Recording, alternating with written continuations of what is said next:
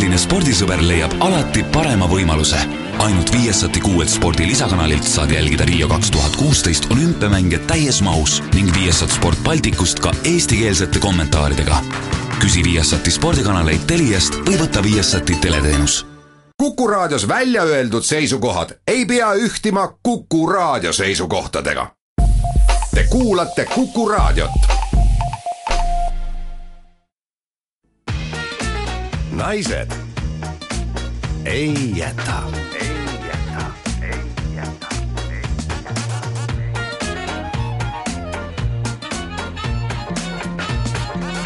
naised ei jäta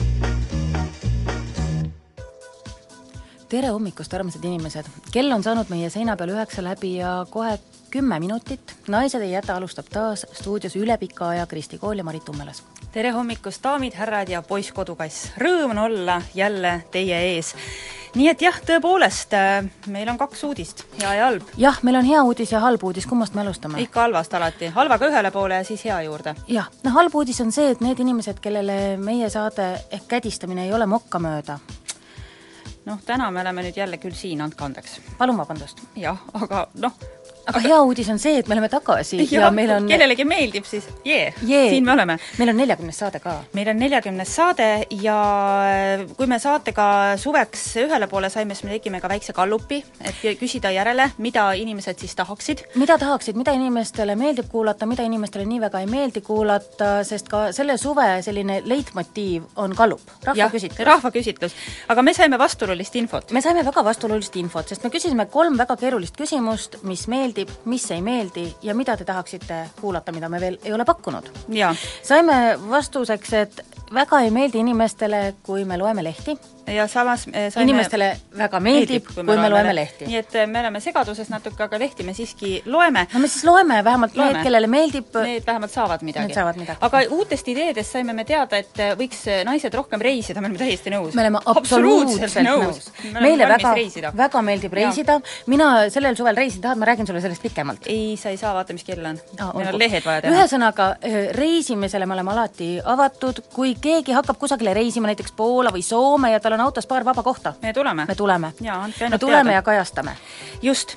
aga suvi oli meil tore, nagu kuulsite, Marit reisis ja, ja suvel me tegime palju muudki, panime käpad mulda. oo, Marit, räägi, kuidas elab meie Priit Poki nimeline katseaed, mille me suveks sinu juurde transportisime? jaa, me kolisime katseaia minu juurde, kas sa tahad pikka versiooni või lühikest? lühikest, Marit, vaata kella. aa, selge. no ühesõnaga, seis on selline, elus on kuus tomatitaime, nendest kaks on aru saanud, et nad on tomatitaimed ja on külge kasvatanud endale ka mõnevõrra tomateid, mitte palju mm, -hmm. ma ei saaks öelda, et saak on nii rikkalik, et me peame vekkima, tikkima ja nägema vaeva, ei. Pole muret. meil on, tuleb heal juhul umbes kuus tomatit. asi seegi. asi seegi, asi seegi. meil on paprikaid. ära ütle. ära ütle, meil ja. on kõigest hoolimata on elus kaks paprikataime, mille küljes on kolm paprikat. väga hästi. baklažaan õitseb nagu pöörane, kuid teda on tabanud õievaring. Tulevad väga ilusad roosad õied, kukuvad kõik nötsti maha. no peame teda lille eest siis. väga ilus on jaa, ma olen temast lihtsalt pilti teinud. just, just. pildid me paneme üles, katse ja pildid ja kõik muud pildid, mis tänase saatega seonduvad ka meie Facebooki lehele. naised ei jäta Facebooki leht on taas aktiivne, tulge meie seltsi, vaadake pilke, rääkige kaasa, aga kui aiandus juba jutuks tuli, siis tegelikult selles saates aiandusteemal me räägime ja lilledest räägime, ajame juttu daamiga, kes kasvatab roose ja peab Roosoja talu, Kristi Unt on tema nimi no ja siis juhtub üks väga huvitav asi meie saates. jaa, see on üllatus. see on üllatus, see üllatas meid ka, meie saates, jaa ja.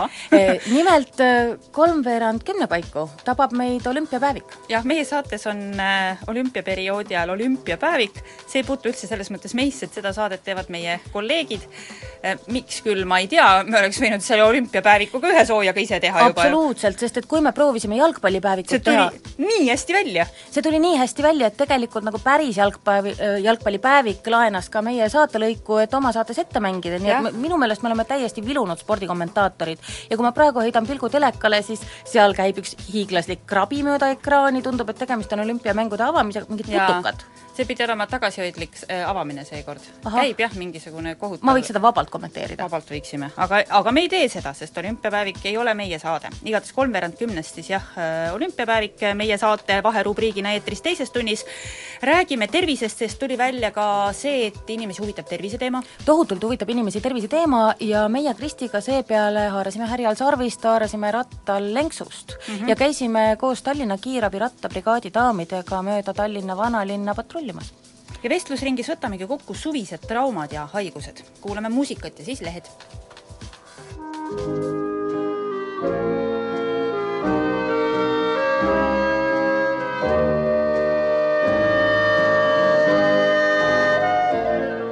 Bonjour, Katrin, bonjour, sa kaunis viis mis algab hommik mulle toob. algab hommik toob bonjour, Katrin. nüüd heliseb see viis mu südames, kus arm on noor.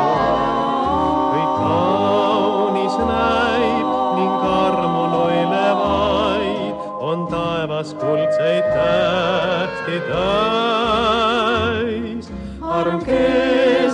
jääb, on saabunud õnnepäev. Bonjour, l'amour, bonjour.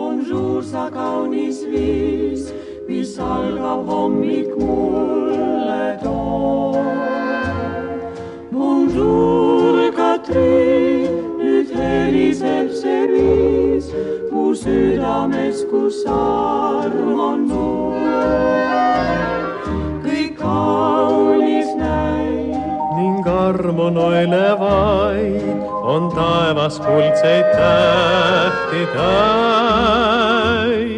arm kestma jääb, on saabunud õnnepäev. Bonjour, l'amour, bonjour.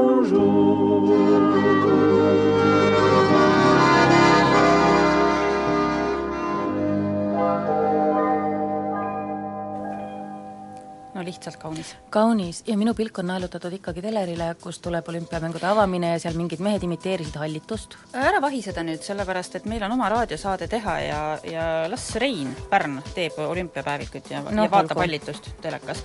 meie vaatame hoopis ajalehti, Päevalehes on väga pikk intervjuu presidendiks ihkava Eiki Nestoriga, aga tähtsamgi intervjuu on abikaasa Anu Nestoriga, kes ütleb, et ta on valmis loobuma paljust, aga mitte Hiiumaast ja ma usun, et kõik hiidlased on selle üle rõõmsad. ma usun, et suur osa eestlasi on ka sellega täiesti päri, et Hiiumaast me ei loobu. jah, las see jääb meie kätte. mina käisin suvel nüüd Hiiumaal, väga tore oli. noh, las ta olla, et ja. kui me peame millestki loobuma, see võiks olla midagi väiksemat ja vähetähtsamat, võib-olla kessulaiu kessulaid no,? et jah. siis ei saa enam kessulaiul trippimas käia? trippimas ei saa seal käia, jah. aga Anu Nestor ütleb ka, et ta on valmis Eiki särke edasi triikima ja ka selle üle on meil hea meel, et isegi kui sa oled presidendi abikaasa, kuigi särgid, ta, ei, aga tegelikult vaata, et noh, kui sa saad presidendi prouaks, siis sa võid ju tegelikult visata särgid nurka ja triikraua ka nurka ja, ja viiuldada ja sõita uiskudega ja küpsetada leiba, teha muid asju. no jaa, nii, nii võib juhtuda küll. Ja ma arvan, et Anu Nestor saaks sellega väga hästi hakkama, sest näed, siin Hiiumaa kodus, mis neil on äh, väike tore talu, siin on äh, pildi peal ka Anu valmistatud keraamiline kraanikauss ja seebialus, nii et äh, proual on kätt igasuguste tegevuste peale. ma arvan, et ta võib-olla äkki viiuldabki juba väga lahe. Coop-oravat. Coop-oravat ja Teele Teele kurekesed. teisi hitte, just nimelt. aga tead sa, kus Eiki Nestor ja Anu Nestor kohtusid? pedapeol meie kohtusime Kristi sinuga ka pedapeol. kuule, kart on jah, et me kohtusime ka pedapeol. mul on veel üks mõte. noh? ma olen juba pikemalt mõelnud selle üle, et kui kahekümne üheksandani saab anda üles presidendikandidaate Riigikogus, siis miks me ei võiks kandideerida sest me kohtusime pedapeol. me kohtusime pedapeol, punkt üks. nelikümmend, saade sai meil ka nelikümmend. on olemas ja. täiesti. ja, ja siis võiks olla Eesti üks selline harukordne riik, kus ei ole mitte presidendipaar, vaid paar presidenti et me oleme nagu korraga, et me kandideerime ja. koos. jah, ja juba kõik teavad. just, just, et on kaks presidenti ja vaata, inimene pole ju kunagi rahul, vähemalt sel juhul oleks valikut. oleks valikut ja teine saab tegeleda siis hobidega, et loosime välja, et sina nädal tööl, nädal vaba mm, -hmm, siis mhm. vastupidi. ja, ja me võiksime tekitada igasuguseid huvitavaid situatsioone, näiteks läheme kohtuma Süüria valitsusega ja siis mina koon neile käpikusse päikse. ja sina laulad et midagi oleks, ilusat. et oleks rahu ja veidi päikest. ma arvan küll. no jaa, küll siis on maailmas kõik korras, kui me sinuga selle asja enda aga meil, vaata, selleks peab mingid hääled kokku saama Riigikogus ja meil ei ole ühtegi sõpsi Riigikogus. riigikogust on vaja toetajat nüüd on küll lugu nii, et minu meelest naised ei jäta Facebooki lehel vist ühtegi Riigikogu liiget, kui, kui kellelgi palun nüüd on tuttav Riigikogus, las ta tuleb meie Naised ei jäta lehele või härra Marko Mihkelson, kas te olete parasjagu üleval, pange like Naised ei jäta lehele, siis meil on toetaja Riigikogus. siis meil on toetaja olemas, siis me saame edasi rääkida, et kuidas neid hääli täis saada, kuidas ja, me saaksime presidendi paari, paariks presidendiks. paariks presidendiks. mis sul on? minul on siin moenõuandeid meestele, õigemini on need stiilireeglid, mida jagab meile Õhtuleht ja siin on täiesti kulda väärt mm -hmm näpunäiteid meesterahvastele, näiteks, et jälgi, et su pesu ja sokid oleksid korralikud. ja öeldakse, et pea meeles, et augud aluspükstes või sokkides ei ole head lisajahutuse pakkujad ja ketšupi plekk ei ole mälestus lahedast õhtust. minu meelest see selline nõuanne on pigem kaheksa kuni kümneaastastele, et vaata, et sul nüüd ei ole püksid katki ja vaata, et sokid oleks terved ja oleks suhteliselt sarnast värvi või midagi meestele. ja siis öeldakse, et õpi siduma lipsu ja pea meeles, et lipsu ei tohi kunagi püksi värvli vahele toppida. no mis, mis lollus see, miks peaks meesterahvas lipsu püksi toppima siis nüüd? ma olen näinud äh, mehi küll, kellel on lips püksi vahel, aga tavaliselt äh, nad on kas äh, väga vara hommikul sadamas mm, nad on väsinud. nojah, jah, jah, juhtub, mis veel? ja, ja siis on öeldud, et kanna olukorrale vastavaid jalanõusid, mis oli ka kuldaväärt näpunäide, näiteks kuula nüüd no., pane tähele, see on keeruline. kui on pidulik üritus, siis pidulikud kingad. Kui lähed mõnele vabamale päevasele üritusele, siis eelista näiteks mokassiine varbavaheplätud võiksid jääda randa. ja selle peale mina emana ütlen alati, et kui jäävad plätud randa, siis ma olen pisut pahur. no mis see mees peab paljajalu koju tulema siis või? plätud jätab randa? tegelikult on korralikud plätud, maksavad ka päris palju raha ja kui sa iga kord, kui sa käid rannas jätad, jätad plätud randa? ja, ja loodushoiu aspektist ei ole see üldse mitte tore. sest kui meil lõpuks on kõik äh, rannad on plätusid täis, kuhu me niimoodi jõuame? ei, ei, ei, teeme niimoodi, head mehed, et jah, vaadake, et püksid oleks terved ja sokid oleks terved ja lips oleks äh, ees nagu linnutiib, aga plätud võtke ikka ilusasti koju tagasi. naine, naine ei jõua kogu aeg uusi plätusid käia hankimas sulle. kell on üheksa kakskümmend kaks, teeme pausi ja siis suundume roosiaeda. naised ei jäta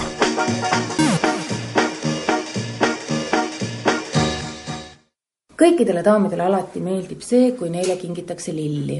Ameerika filmidest on selge, et kindlasti tuleb kinkida roose. Palju?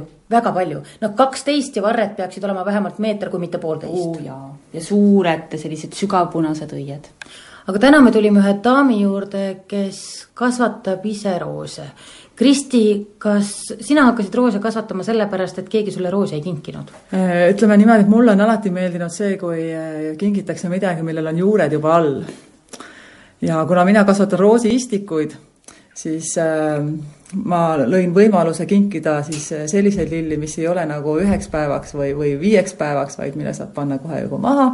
Ja siis saad oma õied juba võtta iga-aastaselt tänasel päeval oled sa Roosoja talu perenaine, kõik, kes internetist otsivad, siis äh, otsige üles Roosoja talu, äh, Kristi Unt on äh, talu perenaine ja roosikasvataja, ehm, aga si-, sinnamaani läks ju aega, kui sinust roosikasvataja sai, kuidas see juhtus? ma olen pannud tähele seda, et hästi tihti juhtub ähm, inimestega see, mis on varem juhtunud nende vanematega. et minul oli isa roosikasvataja nõukogude ajal Vene ajal müüs roose keskturul juba tollel ajal loomulikult mina mõtlesin, et minu ambitsioonid on hoopis teistsugused, aga noh, paraku jah, elu sätib ikka niimoodi, et kõnnid oma vanemate radades ja mingi moment hakkasid nagu roosid endale hästi meeldima. juhtus see natuke rohkem kui viisteist aastat tagasi, isegi ligi kakskümmend aastat tagasi. ja alguses lihtsalt müüsin roose ja siis edaspidi siis õppisin ise paljundamise selgeks ja hakkasin tegelema istikukasvatusega. Nüüd on siis endal istikukasvatuse kõrvale rajatud ka üsna töömahukas roosiaed ligi kolmesaja erineva roosisordiga. Ja tundub, et asi süveneb. Tee nüüd minusugusele paadunud linnainimesele selgeks, mis vahe on sellel sirge varrega Viru tänaval müüdava roosi vahel ja siis nende puhmaste vahel, mis sul lokkavad siin aias nagu pöörased? noh, sellist sirge varrega Viru tänava roosi on võimalik ka täiesti aias kasvatada. Et õied on tal tõesti need kõige kaunimad, selle ehtsa sellise vaasiroosi õiekuju, eks ole, on see, mida me näeme ju piltide pealt ja ja mis on see kõige ilusam, aga paraku need roosid on, kuuluvad kõige õrnemasse rooside sordirühma, milleks on D-hübriidid ja nende talvitamisega peab nagu eriti vaeva nägema. kõik, enamus neist on tõesti sellised, mis on ähm, väga õrnad, on ka selliseid äh, tugevamaid ja äh, vastupidavamaid T-hübriidi sorte, aga siin peab see kodutöö olema hästi tehtud. nii et algajale roosikasvatajale sa igal juhul seda ei soovita? ei, mina küll ei soovita, kuigi noh, enamasti noh, kui emotsioonide ajal hakatakse roose kokku ostma, siis esimesed ostud kipuvadki olema need T-hübriidid. ja edaspidi siis tehakse juba valik nagu selle järgi, et mis nagu paremini talvitub, mis paremini haigustele vastu peab, et noh, et kui esimesed vitsad on kätte saadud, et siis hakkavad meeldima kõik need teised ja noh, liiatigi, kui sa näed, et sinu T-hübriidroos annab sulle kümme õit äh, korraga, aga naabri floribund on äh, õisi täis, ei saa kokkugi lugeda, palju seal õisi peal on, et siis hakkad ka tahtma neid paljuõielisi ja ja, ja paremaid, suuremaid põõsaid vandvaid äh, roose oma aeda su jutust käis juba ühe korra läbi väljend talvitumine. no mina olen ühe korra üritanud olla korralik äh, roosikasvataja, katnud nad kinni, proovinud olla nende vastu hell ja hea. ütleme nii, et kõik surid ära ja see talv, kui ma nendega mitte midagi ei teinud. sa ei katnud kinni ka veel? ei katnud, nii kuidas sügis peale tuli, nii nad sinna plärtsasid, ma ei lõiganud, ei teinud midagi. järgmine kevad ei olnud neil häda mitte midagi no mina äh, siinkohal üldistada ei saaks, äh, sest meie talved on niivõrd erinevad. et äh, tõenäoliselt on see talv, kui sa nad katsid, siis ma tahaksin küsida, kuidas sa katsid, mida sa siis täpselt tegid, on ju, sest katte, katta võib ka tõesti niimoodi, et roos sureb välja ja siis see teine talv, mis sa ei katnud, oli tõenäoliselt väga soe talv. Ja meil on siin järjest enne nüüd seda, mis nüüd viimane oli, on meil olnud siin nagu tõeliselt häid ja sooje talvesid, mis on roosidele olnud nagu väga head. Ja, ja inimesed üleüldse harjusidki pea paljud niimoodi ära, et roose ei pea katma nüüd, äh, kuna minu juurde tulevad kõik need inimeste nii rõõmud kui mured äh, kokku, mis roosidega seonduvad, siis äh, võin küll öelda, et tänavuse talve järel on, on ikka väga suur hulk roose välja läinud. ja -hmm. siin ei ole vahet, kas enam sisemaal või rannikul või Saaremaal, absoluutselt igal pool on see aasta roose palju välja läinud. ja vahel lihtsalt tuleb sellega leppida, et noh, sa oledki enda poolt kõik teinud, lihtsalt see oli selline aasta. tänavuse talve järgi tõesti. mis tänavu talvel juhtus, oli see, et sügis oli hästi pikk ja soe Äh, rooside selline sundpuhkus kestab umbes viiskümmend, kuuskümmend päeva ja lühem on selline sundpuhkus just äh, Lõuna-Euroopa päritolu või Lääne-Euroopa päritolu roosisortidel, mis on nagu noh, mis, mida meil palju kasvatatakse, aga mis on õrnemad. ja need, need roosisordid olid selleks ajaks oma sellise sundpuhkuse läbinud ja nüüd hoolikas äh, aednik leidis, et detsembrikuus roosidel juba väiksed lehekesed küljes mm. -hmm ja, ja kui nüüd jaanuaris tuli see suur üle kahekümne kraadine külm peale, mis oli küll lühiajaline, see paraku mõjus roosidele rängalt. et kõige halvem asi, mis juhtuda saab, ongi see, et kui roosid hakkavad arenema hiljasügisel, me saame ise seda oma äh, rumalusega ka soodustada, näiteks siis, kui anname lämmastikku rohket väetist näiteks äh, septembrikuus või, või, või anname kõva sõnniku peale siis, kui roosil veel on kasv on sees sügisel või lõikame roose hästi tugevasti, siis kui veel roosid äh, kasvavad, eks ole, seal septembri lõpp, oktoobri algus, tugev lõikus samamoodi soodustab kasvu ja muudab roosid talveõrnaks. aga tänavu tegi seda loodus meie eest, seda, et see roos hakkas uuesti kasvama. Ja, ja tõesti inimesel seal vahel olla ja nüüd oma roose kaitsta oli keeruline tänavu millised on nõuanded algajale, päris algajale roosikasvatajale, ütleme, et inimene saab siis sellise elamise endale, kus kõrval on väike võimalus tal panna midagi kasvama ja ta tahab kangesti roosi. mida ta peaks äh, teadma, peaks ta teadma midagi oma elukoha kohta, mulla kohta, äh, kasvutingimuste kohta, no mida kõike ta võiks teada? Äh, võiks teada seda, et roos tahab päikest ja kõvasti süüa ja et peaks teada seda, et kusagil, kus on päike, eh, ei ole roosikasvatus lootusetu. mulda annab alati asendada, mulda annab alati parendada. ja siis eh, saab juba, läheb edasi mäng sellega, et kui palju sa tahad nagu vaeva näha, eh, millised roosid sind kõige rohkem rõõmustavad, mis on nagu kõige tähtsam et tuleks käia erinevates roosiaedades, vaadata, millised sordid on need, millised Eestis hästi edasi arenevad ja, ja millised on need sinu jaoks kõige ka kaunimad, sest maitsed on hästi erinevad. no aga paar sellist kindla peale minekut, noh, sellised head algaja roosid. paljud sellised äh, mm, roosisordid, mis on hästi vastu pidanud see talv, las ma mõtlen näiteks, mida ma väga soovitaks, on Leonardo da Vinci mõlemad, nii Rosa Leonardo kui siis Red Leonardo da Vinci on mul väga-väga ilusti talvitunud, mõlemad on ka väga terved sordid. siis soovitaksin roosisorti aspiriin, mida, mida võib leida juba pea igas teises Eestimaa aias, mis on üks valge ja väga kaunis roos, mis õitseb tõesti miljoni õiega ja talvitub nii head kui halvad talved ilusti üle. ja minu üks suur lemmik on veel ka Black Forest Rose mis on äh, imeilus punane ja mis ähm, põõsas areneb kiiresti ja mis äh, nii, kui ta oma õied lahti teeb, ei jää õietuks enne seda, kui sügis ükskord peale tuleb oma suuremate külmadega mida sa pead selle all silmas, et see sort on haiguskindel, et mina olen näinud oma aias ainult, kuidas lehetäid marsivad usinasti mööda roose ja siis, et lähevad lehed täbuliseks mm., aga ma ei ole mitte kunagi selles osas osanud midagi ette võtta, kas see on mingi haigus? Lehed ei ole haigus.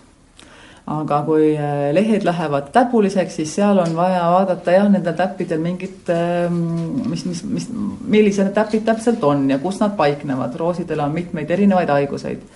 kõige rohkem laastab Eestimaa roose tahmlaiksus, see on see, kui äh, alumistele lehtedele tulevad sellised ümmargused mustad täpid peale ja siis ajapikku need lehed hakkavad kolletuma ja varisema vanemate ja haigusõrnade sortide puhul võivad olla augustikuus sellised põõsad, kus on õied peal, aga ühtegi lehte küljes ei ole. ja sellised põõsad muutuvad ka talve õrnemaks, sest äh, nad ei ole saanud korralikult varundada toitaineid aga mis selle tahmlaiksusega teha, ravida saab kuidagi? ravida saab pigem ennetavalt. ennetav ravi äh, toimib täiesti hästi ja ta toimib hästi selliste keskmise haiguskindlusega rooside puhul. Nende puhul ei pruugigi mingit nakatumist tulla, kui sa, kui suudate ennetavalt pritsida. pritsimiseks sobivad hästi sellised vahendid nagu skoore ja efektor, mida müüakse siis meie aiandusärides. Äh, nüüd on sordid, mis on haigusõrnad, selle puhul võin küll öelda, et äh, kas pritsid või ära pritsi, äh, see, kui ilmastik soosib, siis see haigus tuleb peale nii või teisiti ja selliseid sorte võiks siis äh, oma aias kas siis vältida või siis mitte istutada rohkem kui üks põõsas. et kui on äh, nüüd kõrval kasvab haiguskindel sort, siis see ei võta seda haigust külge nii või teisiti, kasvagu seal kõrval sort siis, millel ei ole kas või ühtegi lehte küljes. aga teine oli äh, ebajahukaste. ebajahukaste, see kõlab väga kulinaarselt kõlab või? no jahukaste kõlaks nagu. ja, ja aga ebajahukaste on siis äh, roosidel selline, ta on küllaltki harva esinev haigus äh, ja millega ei ole erilist probleemi ja mis väga hästi allub ka keemilisele tõrjele ja mida äh, käesoleval hetkel võib hakata leidma vahe on temaga nüüd tahmlaiskusega selles, et teda leiab just sealt pungade lähedalt, noortelt võrsetelt ja teda leiutub nii haigetel sortidel kui tervetel sortidel. Ja just seal pungade lähedal noortel võrsetel on sellised ebakorrapärase kujuga punased plekid, lillakas punased plekid. Ja nad ilmuvad üleöö ja kui, kui nüüd ähm, pretsimist ei teosta ja ilm on väga soodne, see tähendab selline, et õhuniiskus on hästi kõrge ja päikest on vähe ja ööd on külmad, siis ta võib levida põõsalt põõsale edasi ja ta, ja aed muutub korraga, lehestik muutub väga kirjuks. ravi on temale ka täiesti ökoravi olemas, see on see, kui vihm jääb järgi ja päike tuleb välja. siis ravi see vaja ei ole ja kõik see uued võrsed tulevad puhtad aga kui teil õnnestub selli-, enne sellist vihmaperioodi või selle vihmaperioodi kestel ainsatel vihmavabadel õhtutundidel ära teha keemiline tõrje Infinitoga, siis äh, see tõesti mõjub väga-väga hästi ja see ebajahukaste ei levi edasi. Minul juba tuleb hirm peale, mulle tundub, et see roosi kasvatamine on selline täiskohaga töö, kakskümmend neli seitse, muudkui käi, muudkui pritsi, muudkui vaata, vaatad kõik lehed läbi, et ega kuskile pole plekki tulnud, eks ole Just. ju ja miks sa seda teed, sest ma saan aru inimestest, kes kasvatavad marju, õunu, midagi, mida saab panna purki, sest Eesti inimene on hoidistaja, Eesti inimene tahab talveks midagi säilitada. aga roosidest sul on ju ainult korraks see põgus kuu aega, kaks kuud seda silmailu. mis sellest kasu on? kui nüüd võtta seda, et äh, näiteks ähm, priimula õitseb ainult võib-olla nädala või poolteist ja on ka ilus ja seda ka pannakse peenrale, siis noh, roos oma õitsemisega juuni, juuli, august, eh, september ja vahel ka veel oktoober ka juurde, see teeb juba üle nelja kuu õitseaega. Teeb enam-vähem igale lillele silmad ette ja roos toob aeda need värvid ja ta toob aeda selle lõhna.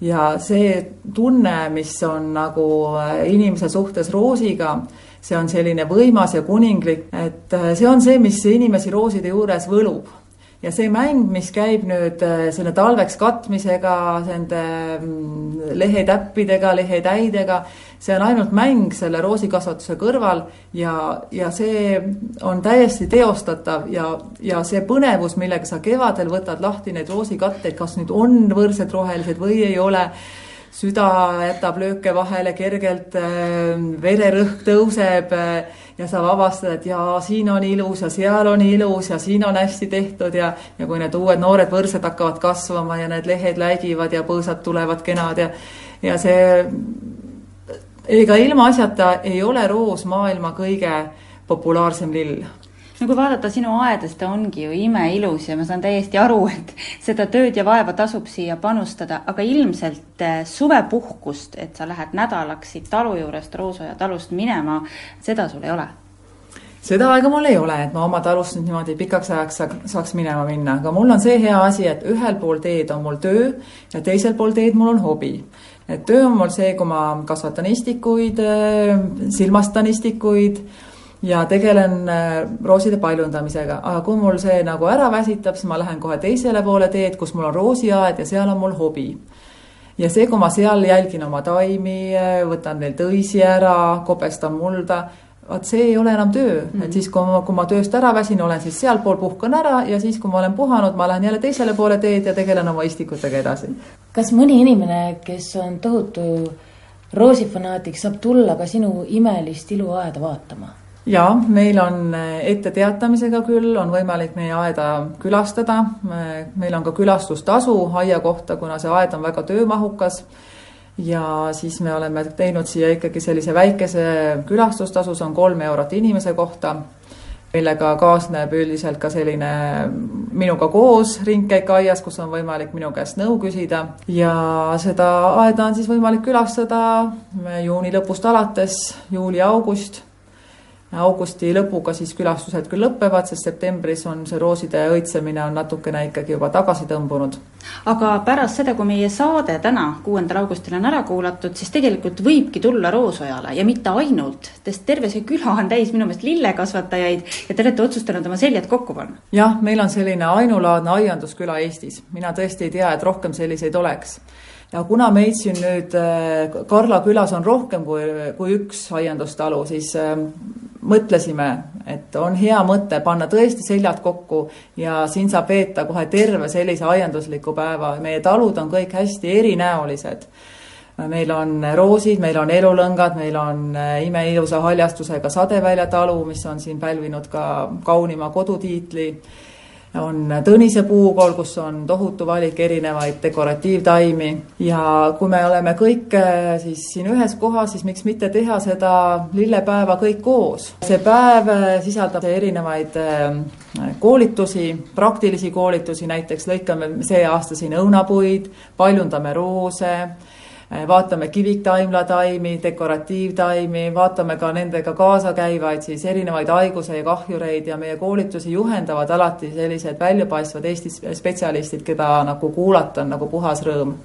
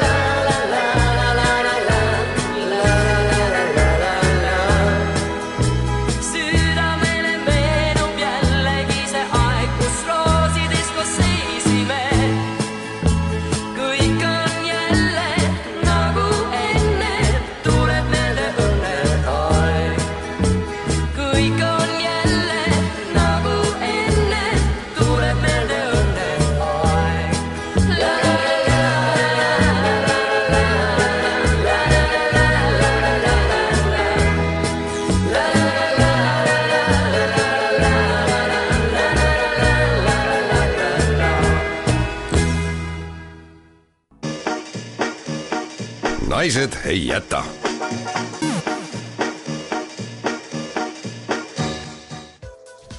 tere hommikust nüüd ka kõikidele hilistele ärkajatele, kes vaatasid öösel olümpia avamist ja alles nüüd silma lahti tegid.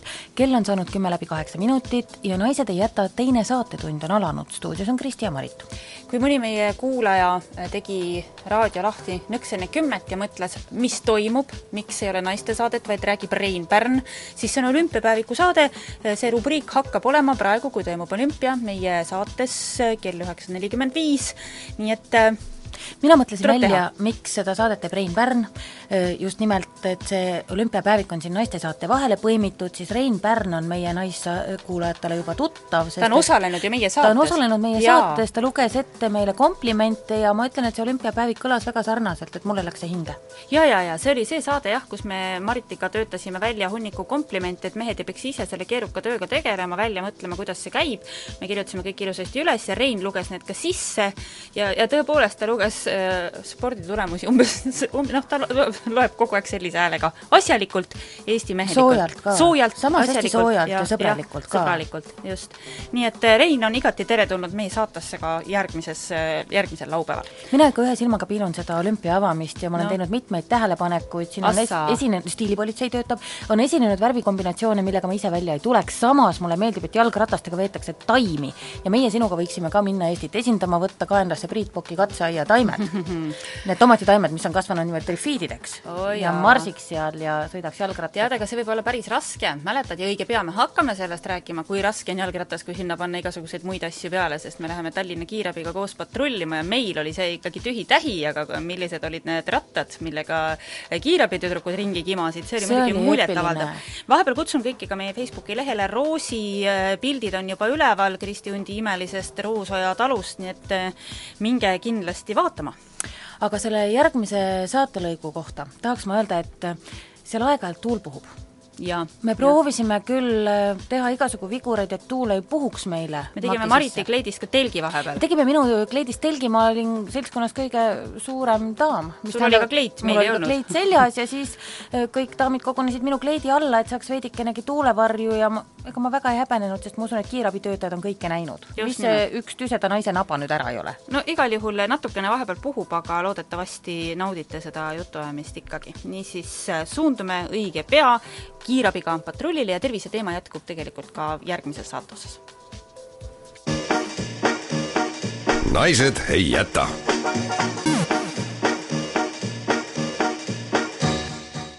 naised ei jäta saade on taas eetris, meie suvepuhkus on läbi, paljudel on suvepuhkus veel ees, aga paljud teevad äh, tõsist tööd, näiteks Tallinna kiirabi jalgrattabrigaad ei puhka, vaid on väljas ja meie tulime nendega koos sõitma, et näha, mis see kiirabibrigaadi töö endast kujutab. meil on vestluskaaslaseks, äh, kaaslasteks Monika ja Karin, tere! Ega te ju muul ajal, kui rattahooaega ei ole, siis te olete siis masina peal, autobrigaadis või, Karin? jaa, loomulikult.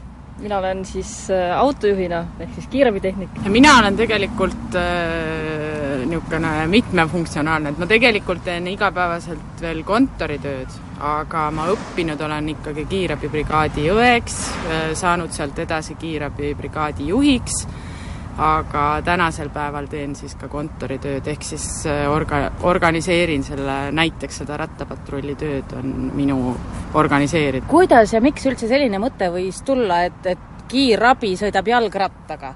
tundub natukene nagu kummaline, et kui auto peal on igasugused masinad ja apastraadid ja see tundub niisugune keeruline ja siis ühtäkki rattaga teha sama tööd? no see idee on tegelikult tulnud äh, mujalt äh, maailmast ja see alguse sai siis üheksa aastat tagasi tegelikult, kus meie enda üks töötaja äh, võttis äh, aja maha siitsamast Eestist, läks natukene, käis maailmas ringi ja nägi Inglismaal seda jalgrattapatrulli. ja selline ettevõtlik õde, ma tahaksin kindlasti teda ära mainida, on äh, Aleksei Tšegolichin Äh, tema selle ideega siis tuli ja, ja käis selle idee meile välja, et äh, proovime, vaatame, mis saab. Ja kuna see esimesel aastal äh, tõi tohutu menu ja, ja me olime pildis ja tegelikult ka esimesel aastal olid ka meie kõige suuremad nagu äh, nii-öelda äh, aitamised mm., elu päästmised, siis äh, sealt sai see asi jooksma ja üheksa aastat oleme me väljas käinud nüüd, jah. kuidas suvi on olnud, töörohke või? noh, iga päev on erinev, et vahest ei ole ühtegi kutset, vahest on kolm-neli kutset, et see on nii, kuidas kunagi. eks me oleme ju tegelikult, kui häirekeskus küsib, kus me oleme, et siis äh, võib-olla me oleme kõige lähemad ja esmaabi tuleb siis meilt, esmane pilt ja siis tuleb brigaad juurde, kui vaja on kui ei ole vaja, siis teeme kõik vajalikud protseduurid ja inimene saab edasi minna, kui tal parem hakkab. no kui talvel on põhilised teadetraumad, inimesed libisevad ja kukuvad, siis äh, mis suvel inimestega kõige tihemini juhtub, mida te kõige tihemini teete? no põhiline on ikka see, kui kuum ilm on, siis on nõrkus halb olla ja süda paha ja või vastupidi, et noh, eks nad joovad vett vähe ja siis ongi see nõrkus. mis me ikka teeme, et anname vajalikud ravimid ja et saaks edasi minna või aga mis varustus teil üldse kaasas on, et nagu Marit ütles, et apastraate ei ole, aga küll aga võin mina öelda, et äh, täiesti minul on juba kiirabist kasu olnud, sest mina teel siia kohtumisele äh, panin korraks külje, õigemini küünarnukki maha ja kohe äh, kiirabi pani mulle peale siia ka plaastri, nii et mina olen abi saanud. aga mis teil, mis teil veel kaasas on, siin ratta peal noh, on kaks suuremat kotti, mis siin sees on siis? No tegelikult on meil Äh, üsna standardvarustus auto omaga, aga see on lihtsalt vähendatud variandina. et äh, päris diagnostilisi vahendeid, EKG-d ja sellist asja ei ole, aga tegelikult on kõik elupäästev olemas. et ka kui auto peal äh, on kõige suurem elupäästev asi, see defibrillaator nii-öelda, siis siin on tegelikult ka see olemas, nii et äh, sellest esimesest aastast ongi täiesti reaalne juhus olemas, kus oli hea, et meie patrull oli olemas, kuna tegemist oli ka suisa lapsega, kes bussis kokku kukkus ja, ja tänu meie rattapatrulli tegutsemisele kiirelt ja lähedal olemisele sai see laps, sai selle lapse elu päästetud mulle tundub, et te peate olema pagana heas füüsilises vormis, et sellist tööd teha, sest et lisaks sellele, et sa oled välja õppinud meedik, pead sa ju suutma ka selle killavooriga rattaga kiiresti reageerida. see on ju raske ratas, eks ju, sa panid proovi tõsta üks neist püsti, näed see seal, mis on. vaatame, nii, proovi see ratas tõsta püsti. oh pagan! noh, nii hull kohal. olgem ausad ma kangutan. Karin, ära aita ei, no ma saan ta lõpuks püsti, onju, aga, aga ta on ikka jube, jube raske mul jäävad käpad vahele. valel pool oled. no ma ei saa, ma olen nüüd ratta all siis sa saad abi, kiirabi on siinsamas. siinsamas, no ta on raske, ta on pagana raske, et jaa et mina selle rattaga ausalt öeldes ei julgeks äh, neljasadat meetrit sõita, sest ma kardan, ma paneks külje maha. esiteks on siin kaks väga-väga suurt äh, kotti peal, nii ees kui taga ja ma arvan, et see ratas kaalub ikka mingi kakskümmend kilo vähemalt, kui mitte rohkem. kolmkümmend kuus. kolmkümmend kuus. haprale daamile ikka paras väljakutse ja sellega nagu mäkke tõusta, ma ei tea. no mismoodi te teete seda? nojah, kuidas võtta nüüd, et äh, vabal ajal tuleb siis natuke trenni ka teha. -hmm. et äh, mina olen tegelenud jõutõstmisega. no asi sul see kolmkümmend kuus kilo ratast püsti pole tõsta. jaa, ei loomulikult sellega nagu probleemi ei ole, et äh, noh, eks loomulikult siin rattaga sõidavad need, kes vähegi jõuavad, et äh, kui ei jaksa, siis ei ole mõtet siia tulla, et äh, selles mõttes, et kui ikkagi kutse on ja natuke rohkem tuleb sõita, et siis peab ikka sõitma mm. -hmm. et siin jalutada ei ole mõtet. et see ei ole sugugi mitte nüüd niipidi, et rattapatrullis käivad need, kes noh, ma ei tea, see kõlab nüüd jaburalt, aga päris kiirabis hakkama ei saa, las need sõidavad rattaga, rattapatrulli pääsevad need, kes on üliheas vormis veel no pigem ikkagi nii jah, ja me sunniviisiliselt siia ei pane, et meil on suhteliselt niisugune vabatahtlik et äh, mitte, et ta vabatahtlik oleks äh, palga mõistes, vaid äh, nad saavad tasustatud täpselt samamoodi ja ta on ikkagi brigaaditöö. aga me ei sunni siia inimesi, kes ütlevad, me ei taha nagu rattaga, rattapatrullist sõita, siis nad kindlasti ei peagi seda tegema ja õnneks on super vahva meeskond meil kiirabis, kes, kellega me selle kolm kuud ära katame, sest see brigaad on esimesest maist kuni kolmekümne esimese augustini samas mulle tundub, et see on väga hea võimalus äh, hoida aeg kokku, sest sel ajal, kui sa oled tööl, oled sa ka trennis. palju teil kilomeetreid päeva jooksul ära tuleb vändata? meie, meie rekordid on sada pluss kilomeetrit päeva jooksul. Ongi see üks vahetus siis, jah? kaheteist tunni jooksul on täitsa võimalik siin kesklinnas, vanalinnas maha sõita sada pluss vahetust või kilomeetrit aga niisugune keskmine on, ma arvan, niisugune kolmkümmend kuue tunniga ja kuuskümmend äh, kaheteistkümne tunniga. no oleneb täitsa, kes sul nagu brigaadis on, et kui, kes tahab sõita, see sõidab, kes ei taha, see natuke puhkab rohkem, et selles mõttes, et äh, me ei pea kogu aeg sõitma mm. -hmm. et ega ei jaksa ka ju. Nii, aga praegu ongi siis see, et me lihtsalt ootame kutsungit ja kuni me ootame, kas te tavaliselt, äh, nii, juba tulebki? jaa, ratas kuuleb. ratas kuuleb. jaa Kalev Spa keskus, lähme. no nüüd lähme kutsele siis Kalev Spasse. kas juba öeldi ka, mis seal juhtus? kaks viis kaks. kaks viis kaks? meil on kõik kodeeritud. ahah, selge. Äh, kaks viis kaks on äh, jalatrauma. selge, lähme appi. naised ei jäta kui meie Maritiga kohale jõudsime, oli teil kaks viis kahe äh, abistamine täies hoos. mis siin siis täpsemalt juhtus, veekeskus, tüüpiline Liumäe, Liumäe õnnetus või Liumäe selle toru õnnetus või? no lastega on nendes veekeskustes kõige rohkem, nad kipuvad jooksma Aa. ja trepi peal oli natuke libastunud jah, et oli väike haavakene, mis vajas natukene paar pistet sinna peale, jah. Lausa õmblesite või? meie ei õmblenud, aga saadame lastehaiglasse, saatsime siis autobrigaadiga, et tuli järgi autobrigaad Eesti inimestel tundub, et äh, igal aastal tuleb talv ootamatult, tuleb ka suvi ootamatult, kas teil on mingeid näpunäiteid, mida alati tasub inimestele üle korrata, et mida saab ise teha selle jaoks, et ei peaks teiega suhtlema, kuigi te olete väga armsad inimesed? ei no loomulikult selles mõttes, et ohutus eelkõige, et äh, ohutus, ohutus, ohutus, et äh, selles mõttes, et äh, noh, ei ole vaja joosta pea, pea seljas, et ma nüüd jõuan, et tegelikult äh, õnnetus ei hüüa tulles, et ta tuleb ju ootamatus olukordades et noh, tänaval samamoodi, kui rattaga sõita, siis kiiver ja noh, ta ei ole kohustuslik vanematele, ütleme täiskasvanutele, aga võiks kasutada. võiks. no ja teil on ka kiivrid peas, meil ka. no loomulikult, et noh, ma ise olen ka õnnetuse läbi elanud, et kiiver peas oleks ka väga suur muhk peas olnud, selles mõttes. et äh, tuleb enda ümber vaadata ja arvestada teistega alati, et äh, sa ei ole üksi siin. et kui linnas käia ja olla, et siis vaadata ringi.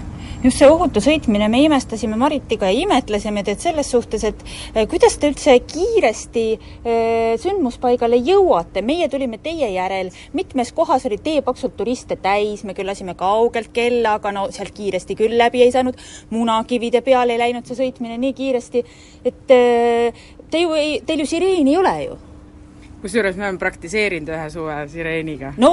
see tundus natukene koomiline. rahvas ehmatas nii ära, nad ei osanud midagi teha selle peale, me võtsime maha selle, see oli, pigem tekitas võib-olla olukordi, kus see hoopis oli ohtlikum natukene.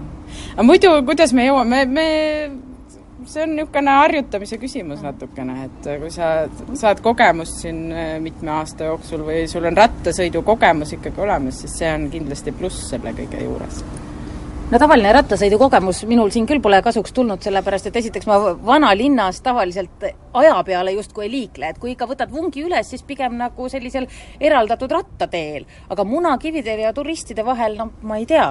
Kas te hõigute neid kaugelt? ei, meil on, meil on rattakell, et selles mm -hmm. mõttes, et me laseme kella, siis nad ikka vaatavad, kuulevad, et võta too maha, et otse päris ei sõida, et noh, ütleme niimoodi, et oleme ka sõimu saanud, et mida te sõidate siin. oletegi või?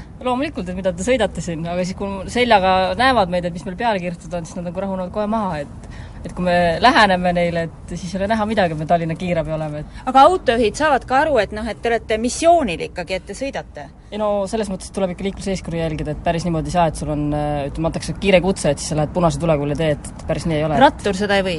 ei või. kiirabiauto ju tegelikult hädapärast võib? no tema paneb sireenid ja vilkurid tööle, et siis ta võib, aga jah, jalgratas ikka ohutus. et ei ole mõtet sinna pea ees äh, ise avariisse söösta, kui on äh, teine abivajaja seda, et Eesti inimene vahel ütleb kurjasti, seda ma täiesti usun.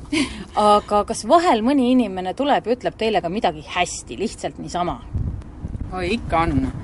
see on, no iseenesest on see Eesti inimesele ikkagi niisugune rattakiirab, ikkagi nad tulevad uudistama ja küsima ja tegelikult on headust ka ikka olemas et äh, ikka tulevad ja kiidavad, et äh, lahe ja uurivad samamoodi, et mis töö see on ja kuidas te teete seda ja, ja ikka on, ma, mina olen ise ikkagi pigem nagu positiivset tagasisidet rohkem saanud kui negatiivset.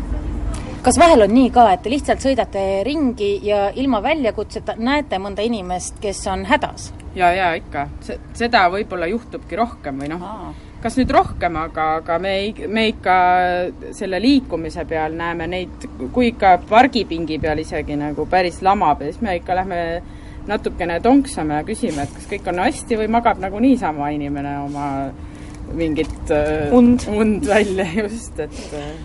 et tegelikult on inimestele ka sõnum siin, et, et kui te näete, et keegi kuskil magab või pikutab, et minge toksake, et äh, ei ole vaja kohe kiiruga telefon haarata ja kiirabi kutsuda. teatud kutsed tulevad meile niimoodi, et mööda käia magas, ta oli teaduse ette, on ju, meile tulebki, tulebki niisugune kutsetu teaduseta inimene, on ju, aga tegelikult teine magabki oma õndsat tunde mm. -hmm. et alati minge vaadake, mis on kõigepealt, et mitte no mina ei kuulnud, et tuleks läheneda jalgade poolt siiski toksata no,, sest et ta võib olla ju ka mingisugune agressiivselt meelestatud inimene, kes ärgates esimese asjana äsab sulle noh, seda kindlasti, et no ei ole ka kõnetada valjemalt niimoodi lihtsalt, et hallo, et kas kõik on korras ja ta noogutab ja tahab magada lihtsalt, las ta siis Las olla, olla. siis pole vaja seda kiirabina ju nii väga tülitada.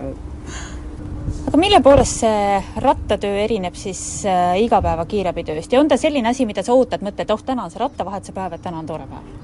on küll, ega see värskes õhus ja ringi liikumine on ju tegelikult, see on vaheldus tegelikult, seda, seda kolme kuud on ju mõnus veeta siin vanalinnas, et vaheldus on see. Karin, et sa ei saa ju rattaga nii kiiresti kihutada, kui autoga saad?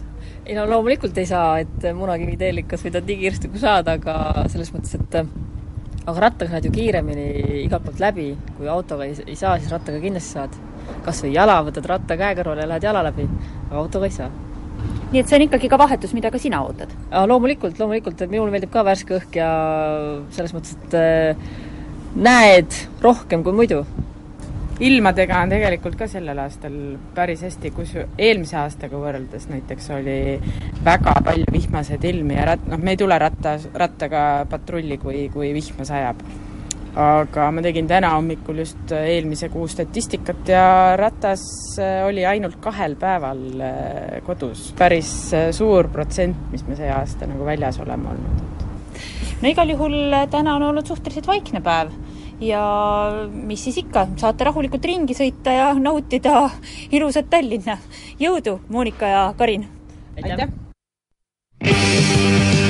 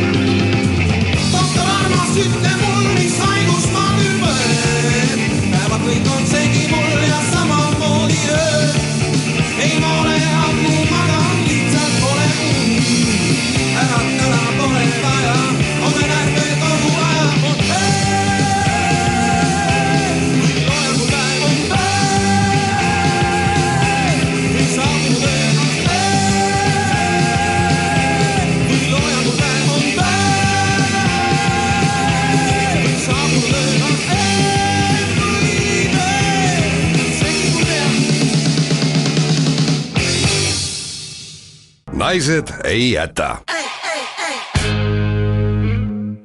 Otsustasime, et teeme Naised ei jäta vestlusringi seekord stuudiost väljas, sest tundus kuidagi alatu ilusal suvisel augustikuu ajal kedagi hommikul Kuku raadio stuudiosse kutsuda. mõtlesime, lähme ise külla, see on alati palju parem plaan, mis sa arvad? mulle tohutult meeldib külas käia, sellepärast et esiteks külas ei pea sa koristama, külas ei pea sa nõusid pesema. Ja pahatihti on juhtunud ka nii, et pakutakse kooki ja isegi teed nii, nii meil juhtuski. me oleme praegu Pudisoo puhkemajas, mille perenaine on Anne Masing. Anne on meil ka vestlusringi üks osaline ja vestlusringi teine osaline Sandra tõi meile koogi, meil on teed, meil on kooki, meil on tikreid, no meil on ju imetore. ja selle imetoreda olemise juures me hakkame rääkima päris valusal teemal me räägime, kuna me käisime kaasas kiirabi jalgrattabrigaadiga vaatamas, milline on nende tööpäev, siis nüüd me räägime sellest lähtuvalt igasugustest traumadest ja hädadest ja just sellistest, mis on eelkõige seotud suvega. daamid, kõigepealt teeme tutvustusringi, teeme nii. meil on Malle. tere! meil on Anne. tere! Sandra. tere! ja Miina. tere! Kui te mõtlete suve peale, kas on kohe, tulevad teile meelde ka kohe mingisugused vaevused, mingisugused haigused, mingisugused äh, traumad, mis on selline, et noh, seda, see on kuidagi suvega seondub? parmud. oh, just laps keeldus ükskord ja pani endale kõik nagu riided, niimoodi, et silmamunad jäid välja paistma ja, ja siis ma küsin, mis juhtus. õues on parmud ma ei lähe enam mitte kunagi õue. kõik kindad otsisid talle kindaid ja siis ta läks täies armis õue riietega. aga täiesti arusaadav mure kusjuures, kas siin Pudisol on par-, parme no, palju? ikka leidub mõni jah ma saan täiesti aru, sellepärast et minul on olnud üks jõulisemaid traumasid, suvetraumasid nimelt parmudega seotud mm. -hmm ja, ja mitte nüüd, et parm oleks mulle sellise trauma tekitanud, vaid loomulikult inimene ise. mina sügasin väga hoolega parmuhammustust Äh, sellele järgnes kolm nädalat äh, igapäevaselt perearsti juures äh, sidumas käimine. no mis sa tegid siis? kraapisin loomulikult, jõuliselt kraapisin, kraapisin, kuni, kuni see parmuhammustus läks ikka noh, väga käest ära. mädanema siis või? oo jaa oo oo jaa, no tähendab mitte, mitte vähe, ikka palju ja, ja, ja see oli veel selja peal, nii et ise ei ulata seda puhastama, ei menetlema ja siis ma käisin äh, perearsti juures, ma ise nimetasin seda, et ma lähen maadlema ja laulma mm. -hmm. et kõikidele ooteruumis ma ütlesin, et ärge pange pahaks, ma hakkan nüüd röökima ja siis kaks arsti hoidsid mind kinni ja siis kolmas tohterdas ja nii kolm nädalat järjest. ja ei, parmud sääsed käivad loomulikult jah, suveperioodi juurde ja no tegelikult no arukas inimene, näiteks Sandra, keda, keda ma tean kui väga arukat inimest, sina ilmselt ei kratsi, eks ole? ei, mina ei kratsi, aga mina tooksin sisse sellise teema nagu puugid, mis läheb ka sinnasamasse kategooriasse, et äh, me hakkame juba talve poole mõtlema selle peale, et äh, kas meil on ikka puugivaktsiinid veel kehtivad või tuleb uued teha. ja jälgime alati väga hoolega ennast ja lapsi ja teeme igal õhtul puugikontrolli. aa, lausa, sest et ikkagi maal elades tuleb teha. Äh, jah. palju siis saak on sel aastal on nii, et äh, olen täheldanud, et äh, mida väiksem inimene, seda rohkem puuke oh!. et äh, kõige rohkem jälgime oma kõige väiksemat viieaastast, kes kuidagi, ma ei tea, on puugimagnet ja neid kõige rohkem ligi tõmbab. aga õnneks tui-tui-tui ei ole nagu midagi hullu juhtunud, sest võib ka väga kurvalt minna on... meil samas külas, ega meil küll puukidega probleeme ei ole, ma ei tee iga, üldse ühtegi päeva ei tee kontrolli, aga, aga meil nagu puuke ei ole. aga sul on parmud, sinu juures on parmud, parmud, Sandra juures on puugid jah, ma ei tea, noh, me jälgime ka seda, et kui nagu metsas käime või noh, muruses rohkem liigume, et siis, et siis ka aga üks päev tuli küll, poiss tuli röökides tuppa, ma mõtlesin, et noh, nad mängisid mm -hmm. seal õues tulega mõtlesin, midagi juhtus. näitab näppu, ma küsin, kas said tukiga siia või näpu peal. ei, siin on puuk. nutab endast täiesti väljas, ma ütlesin, et ei ole muret võtsin ära, ei, sellest ei piisa, sa pead veel midagi tegema, siis panin sinna mingit, mm, mis mul oli seal, teepuõli panin peale, rahvameditsiin ütleb, et teepuõli panna, aga no tegelikult vist ei tohi panna. mina olen just puukide välja see meil ju mingi vanasti olid mingid õpetused, pange võid, võid või midagi. ja tegelikult vist äh, ei ole sellel üldse mõtet, sest seda rohkem pidi see puuk sinna kaebuma sinna mm. sisse. aga ei, ma panin Minu nagu võtsin välja ja siis panin peale mm, -hmm. et äh, mitte nagu teda ärritada, ma võtsin kohe pisikene vennakene, no ma ei näinudki teda, tõesti oli väike et minu teada võib ainult seda septi vist panna, seda mm. puhastusvahendit pärast, et. Äh, noh, nüüd on hilja juba, aga puhk on käes. jah, puhk on käes, midagi juhtunud ei ole, puh-puh-puh ja kõik on rahu mõisas aga see hüsteeria, vaata, see ongi see, et noh, igal pool räägitakse, kõik tulevad, inimesed tulevad kummikutega oh,, siin on puugid ja nad ei saa metsa minna, kõigil on mingid mammused seljas, noh ja laps, noh, ta ju kuuleb seda, eks mm -hmm. ole, ja näeb, aga ja siis temas tekkis paanika, tal on nüüd puug ja nüüd on jama majas, eks ole, aga kõik ma saan sellest täiesti aru, sellepärast et mul on üks sõbratar, kes ei julge keset Tallinna südalinna Tammsaare pargis astuda muru peale, sest ta on veendunud, et saab kohe puugi. Mm. -hmm no tegelikult Tallinnas on puugid, me elasime Ristiku tänaval, seal oli ta aias aed oli maja taga ja sealt me saime rohkem puuke, kui me siin oleme saanud. ja no ilmselt ka maal elades, ma kujutan ette, sa ei saa ka päris, no sa, sa ei saa mõelda kogu aeg kõikidele ohtudele. no just nimelt No, maad no- ussi või noh, need maad, eks ole, puugid, parmud, sääsed ja veel kihulased ka veel. Jaa. no need on kõige hullemad. kevad, kui tuleb, siis läheb täiesti käest ära. on jah, me Maritiga arutasime siia tulles, et iga kevad, noh, ootad talvel, ootad hirmsasti ta, seda, seda suve. ja kuskil kuklas mul alati tiksub, et selle suvega on ka mingi aga, mingi jama on, et mingi, mingi, mingi asi, mis keelab selle täie rõõmu tundmise ära ja siis, kui maikuus teedki esimese aias istumise ja hakkad laksima niimoodi, tuleb kohe meelde, ahhaa. see oligi see. intsektid. aga Malle on siin niimoodi vaikselt teed luristanud ja itsitanud, aga tegelikult ma tean, et Malle on vana Traumateatri patsient. Siis me, tegelikult tahtsime Mallet kutsuda oma hooaja viimasesse saatesse, kõik oli lepitud, kõik oli sätitud ja siis teatab äh, kena tütarlaps, et ei saa tulla, haigestunud, räägi nüüd ära. ja ei saa tulla, sest jalad ei liigu.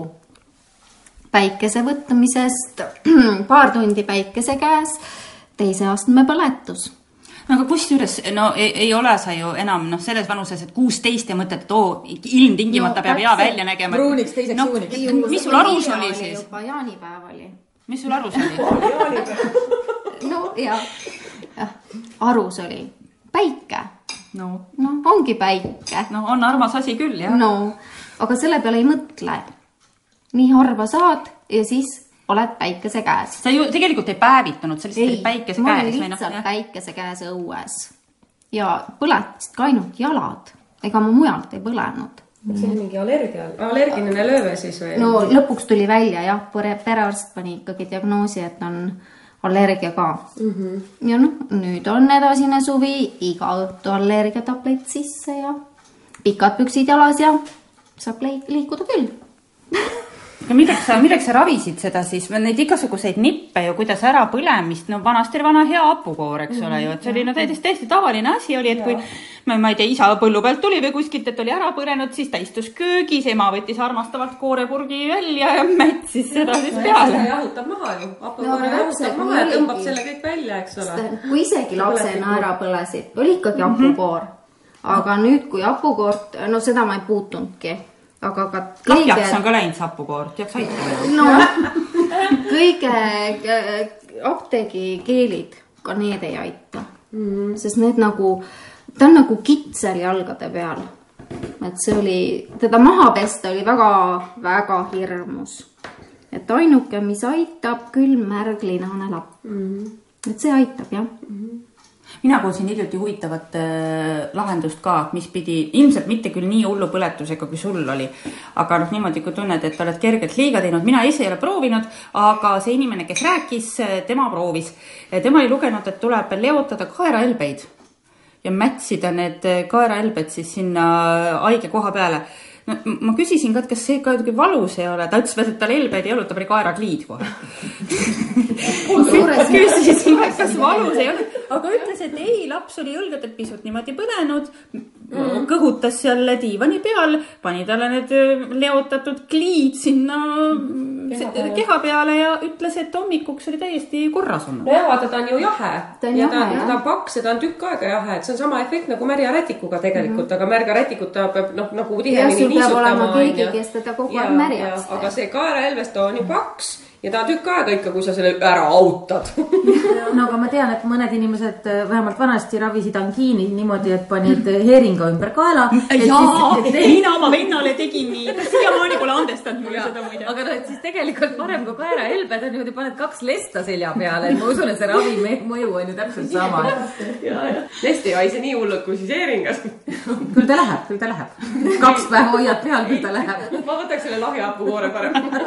siiski. aga palju te sellist loodusravi usku üldse, üldse olete, et sina jah, mainisid juba, oled jah Jah. ja.? me, me lugesime tulles siia, et me oleme teelehte tegelikult kogu aeg lapsepõlve valesti kasutanud, et see noh, oli ju mingi tarkus, et kukud tuleb teeleht peale panna. see muidugi ei mõju muhvigi, kui sa lihtsalt selle katkise koha peale Mõnus peale. jah, otsid kuskilt aianurgast latatad peale, et tegelikult tuleb sõõruda pulbriks. No, jah. ja panna siis või noh, selliseks pudiks ja panna see haava peale siis kinni siduda ja jätta ta rahule. aga see on tegelikult see, et mis ma oma laste peal, et äh, neil on vaja, neil on vaja midagi teha, sa pead mm -hmm. neile näitama välja, no ja mis sa võtad, arsti paned, et noh, siis on nagu tehtud, no ta saab aru, et sa oled mõelnud ja, ja siis sa räägid sinna oma loo juurde. tegelikult on noh, muidugi, kui sa selle pudistad ja kõik selle jutud ka veel, aga sul on oma tatil on juba ka desinfitseeriv mõju ja siis on see, et noh, see armastus, mis sa sellesse liigutusse paned juba, muudab kogu selle valu ja selle kõik tõmbab ära et noh, eks see rahvameditsiin ongi ikkagi see, et Jah, sinu poole peale pöördutakse, sinust hoolitakse ja see aitabki. No see on vanatõde, et ema tatt on täiesti maagilise toimega, et sellega saab nagu rokarinna eest ära, seda saab peale panna, sellega saab puhastada, no see on täiesti universaalne. ja me jõuame jälle siiani, et noh, sa ei saa minna ma- maal elades, kui sul on suur pere, iga tühja-tähja pärast äh, paanikasse ei. saa jah, jah. ja plaastrid saavad ka lõpuks otsa omavahel öeldes, noh ja sa ei sõida iga nagu pisiasja peale, et, et tegelikult tänasel päeval ikkagi, kus meil nagu meditsiinilist abi on nii keeruline maal saada, sa pead olema valmis ise nagu need asjad ära tegema, noh, meil need haava, need plaastrid, millega sa tõmbad selle haava, ma tõmbasin endal koristades äh, ühe tooli jalal oli üks metall, tõmbasin jälle päris sügava haava. mis ma siis tegin, noh, võtsin sahtlist oma selle haavaplaasti ja panin, siis tõmbasin haava kinni ja no mis sa ikka. sellega saab haava kinni tõmmata. ja oi sellised asjad ja väga huvitav. seda kindlasti proovime, Mari. ja, ja, ja ma teen sulle haava ja siis panen sulle plaastri. no miks siis niipidi? Aa. ootame ära, kellega juhtub õnnetus. sest kiirabi ju noh, kui sul ikka tõsised asjad on, siis kiirabi on sul ikkagi nii kaugel, et sa pead ikkagi nagu saama oma vahenditega hakkama, onju, et noh, lahtisele vaa peal ära nüüd viina vala, eks ole, aga aga põhimõtteliselt sa pead olema nagu väga-väga noh, maal olles ikkagi teadlik igasugustest nagu asjadest. Et no kui ikkagi suurem põletus, siis sa selle väikse selle burn shield'iga ei saa midagi teha või, või ema tatiga onju, et noh, aga see võtab kõik aega ja see põletus läheb nii kaugele, et sa pead nagu midagi tegema, mis iganes. aga sa tunned ravimtaimi ka ja ikkagi noh, tegutsed? no ei tunne, noh, ma võin ju mõelda, et ma tunnen, aga noh, et otseselt ma ikkagi mingit siukest ise ei tee, sest need võtavad nende seismised ja asjad, need võtavad nii kaua aega ja kui sul see ju juhtub, sul ei ole ju kaks nädalat aega seda leotist seal teha, onju, ja siis ongi see, et noh, no kummelikompress on alati see, mis töö toimib, onju. nagu asja peale. jah, kummelitee sisse ja sisse ja välja igatepidi. alati ei toimi, vahest on ka selle vastu allerg. samas, kui sa räägid, et rahvameditsiiniga ei jõua, et kui midagi juhtub, siis noh, võin sulle jutu jätkuks öelda, et ega tegelikult sa arsti aega ka ei saa. Nii et siis põhimõtteliselt samal hetkel, kui sul juhtub trauma, võid sa rahulikult panna need oblikad likku mm. -hmm. saab ikka enne valmis, Sa sa saad eri, enne- eriarsti juurde. aga tegelikult ongi see, et sa pead enda peas nagu tegema, nagu ma ei karda neid puuke, ma ei karda madu, oi, siin on maod või koerad või midagi juhtub. alati võib, linnas võib ka juhtuda, et telliskivi kukub sulle pähe tänava peal no just nimelt noh. Või see pikne lööb sulle vihmavarju sisse, et igasugu õnnetusi juhtub, sa ei ole mitte kuskil kaitstud. aga see on su iseenese sees on see kindlus, kas sa nagu oled vastuvõtlik, noh, kas sa kutsud neid endale, kas sa hädaldad kogu aeg, et no minuga võib juhtuda nüüd midagi, onju, ma lähen metsa, mulle tulevad puugid. ei noh, sa oled nagu kindel sa pead nagu endas leidma selle ja tegelikult, kui sulle haigused või mingid õnnetused juhtuvad, järelikult oli sul vaja natuke mõelda järgi, mis sul nüüd, nüüd kiiresti valesti, mitte valesti, kunagi ei lähe valesti, onju, aga aga et noh, mis sul nagu oli vaja mõttepaus tõmmata, võib-olla sa kiirustasid kuhugi üle nagu mõtlemata või mis iganes. kusjuures tõesti haige olemine, ma olen väga harva niimoodi korralikult haige, aga kui, siis ikka maksimaalselt ülikõrge palavikuga mitu päeva sirjali maas. Väga huvitavad mõtted tulevad lõpuks pähe, kui sinna neljakümne kandi temperatuur. täitsa huvitavaks läheb ja, Ja. kuni kolmekümne üheksani on kehv olla. Jah, aga siis siis- läheb juba kergelt eufooriliseks. tuleb palju täiesti uus hingamine, täiesti ja. originaalsed mõtted, aga kui sa räägid haigeks olemisest, et minul on see kogemus, et väga tihti siis, kui saab läbi mingi eriti kõva tööperiood mm, -hmm. saabub suvi, saabub puhkus, pingelangus, jään mina mätaki haigeks no kohe ikka niimoodi korralikult, korralikult, sellepärast et varem ma, ma ei saa seda endale lubada. just nimelt, aga noh, samamoodi on ju lapsed. koolivaheaeg, klõksti haige, nädalavahetus, klõksti, esmaspäeval kõik korras jälle. aga see ongi see, et kooli ajal neil on ka see kohusetunne tegelikult sees, et nad kooli ajal ei ole haiged. ja kui tuleb koolivaheaeg, klõksti oled haige, samamoodi nagu täiskasvanud puhkuse ajal, eks ole et, et sa pead ikkagi nagu suutma nagu ennast nagu mõistusega võtta selle rahmimiste ja asjadega, aga noh, et lõppude lõpuks tegelikult päris palju asju annab ennetada. Mina olen täiesti kindel, et annab. ja mina võin ka öelda, et see nädal voodis kulus väga ära. päevitad veel? kindlasti. igal juhul, daamid, suur aitäh, loodame, et ülejäänud suvi läheb võimalikult ohutult, aga ikkagi huvitavalt. aitäh teile.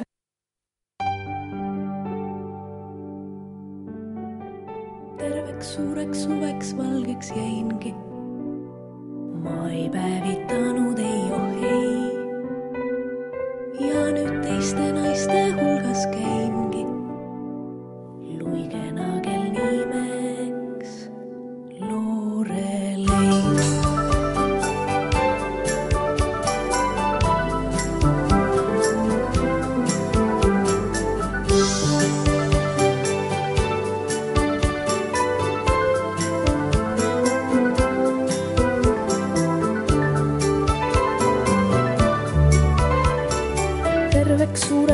suveks valgeks jäingi. ma ei päevitanud ei oh ei. ja nüüd teiste naiste hulgas käingi. luigena kel nimeks Lorelei. ainult minu jaoks see suvi oli puhas. olin õnnelik küll mitte lodevill alles nüüd tean, et ükskõik kus kohas oli talle see üks vilets vodevill. tema vari terve suure suve läbi minu ihu ees mind hoidis põlemas.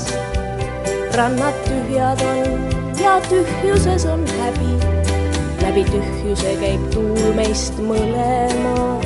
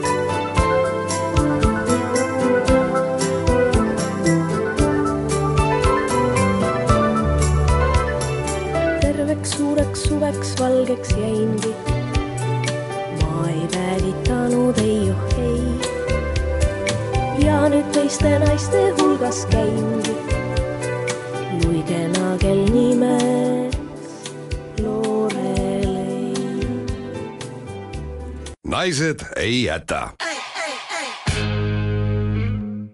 ja mõned minutid ongi jäänud, et see saade ära lõpetada. mina tahaks ikka rääkida sellest, et äh, telekas marsivad inimesed lippudega ikka nad marsivad, sõidavad jalgratastega ja, ja see on väga huvitav. jah, no loomulikult olümpia on alanud ja üks võimalus, kuidas päeva sisustada nüüd ja edaspidi, on äh, vaadata telekat. aga kellel on muud plaanid ja tahaks õue ka jõuda, siis võimalusi on palju, no muidugi üle Eesti toimub igasugu festivale ja kontserte. tohutult palju. Leigol on Järve muusika algamas, Intsikurmu festival on algamas, siis augustis on bluus. augustis on bluus, eks see Weekend ju ka. Weekend ka mürtsutab Pärnus minu teada. mürtsutab jaa. ja aga, aga on ka selliseid rahulikumaid valikuid, näiteks Karl-Robert Jakobsoni talumuuseumis Kurgjal toimub Eesti Tõulammaste Aretusühistu ja Eesti Tõuloomakasvatajate Liidu korraldatav lambapäev, toimub lammaste näitus, kauneima ute konkurss, lambatõugude ja aretajate tutvustamine, lammaste pügamisvõistlus ja avatud on töötoad. huvitav, kas töötoas saavad kõik soovijad äh, proovida, et kuidas on lammast pügada? ma loodan, et mitte, päris algajaid ei tahaks lamba kallale lasta ja samamoodi Palmse mõisa osas on jahikoerte Eesti hagijate päev, kus samamoodi toimuvad igasugused põnevad võistlused. aga kas need, kellel ei ole hagijat, on näiteks hurt, võivad ka ligi astuda? mina sain küll nii aru sellest kutsest, et kõik on oodatud, oled sa hagijapidaja või mitte ja tule ise, võta koer kaasa. jah, no mõtleme selle üle, mul koera ei ole, võtame sinu kaks kassi ja merisea hagijate juurde, nalja teed või? see lõpeb halvasti minule ja ka sinule. ise ütlesid, et kõik on oodatud, minu meelest on see ilmselge kasside diskrimineerimine ja merisigade ka, kui neid ei saa kaasa võtta. aga võib minna ka loomulikult Karla külla lillerallile, sellepärast et kõik vahvad aiandustalud ootavad täna avasüli huvilisi. seal toimuvad erinevad ekskursioonid ja loengud ja, ja õpitoad, nii et tasub, tasub minna kõik, kellel on vähekene rohelised näpud. just nimelt ja kui satute sinna Karlakülla Roosoja tallu ja noh, sinna te peate lihtsalt sattuma, siis näete oma silmaga ära kõik need ilusad roosid, mida taluperenaine Kristi Unt kasvatab ja teil on suurepärane võimalus, kui teil on mingi mure, kuna Kristi on väga kogenud roosikasvataja, siis rääkige talle sellest, ta ütleb kohe, mida teha, et teie roosid oleksid ilusad. ja tervitage teda meie poolt. jah, kindlasti. lehvitage Tallinna kiirabi tüdrukutele ja tervitage Kristit. aga olge ise ka terved, olgu teil imeline ja tore nädalavahetus uuel nädalal, no ehk kohtume jälle. kohtume, kohtume. arvad? arvan küll, mul on päris palju häid mõtteid, mida me uuel nädalal võiks teha, nii et kuulake.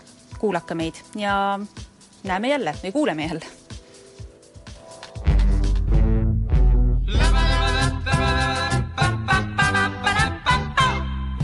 teate, tundub teid, ma olen kuskil näinud.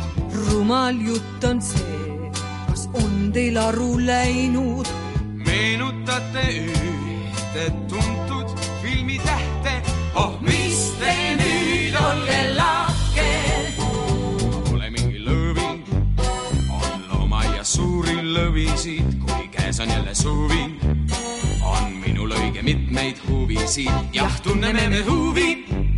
jah, meil on üsna palju huvisid, kui käes on südasuvi, siis me ei sööda linnast huvisid las suvi lennata. las suvi lennata. tore ikka küll, et suvel soojad ilmad, Põhjamaal on meil talved liiga külmad. tõesti, see on nii, ma käisin talvel lõunas, kuid suvel elame saunas kui käes on tore suvi. me päevad andes väikseid imesid, kui käes on tore suvi. me jalg ei lihvi linnakivisid, kui käes on jälle suvi. siis on meil väga palju huvisid, kui käes on südasuvi. Siis me sööda linnast huvisid. las tuvi lennata las suvi lennata. suvitate te siin rannas kaua, proua, vahest õhtuks ehk ma paneks kinni laua. Pole esiteks ma üldse mingi proua ja suvel ei kesta kaua, kui käes on tore suvi. me päevad andes väikseid imesid, kui käes on tore suvi me jalg ei lihvi linnakivisid, kui käes on jälle suvi. siis on meil väga palju huvisid, kui käes on südasuvi. Siis me sööda linnast huvisid, kui käes on tore suvi. me päevad andes väikseid imesid, kui käes on tore suvi. me jalg ei lihvi linnakivisid, kui käes on jälle suvi. siis on meil väga palju huvisid, kui käes on südasuvi siis me sööda linnast huvisid. las suvi lennata. Las suvi lennata ja.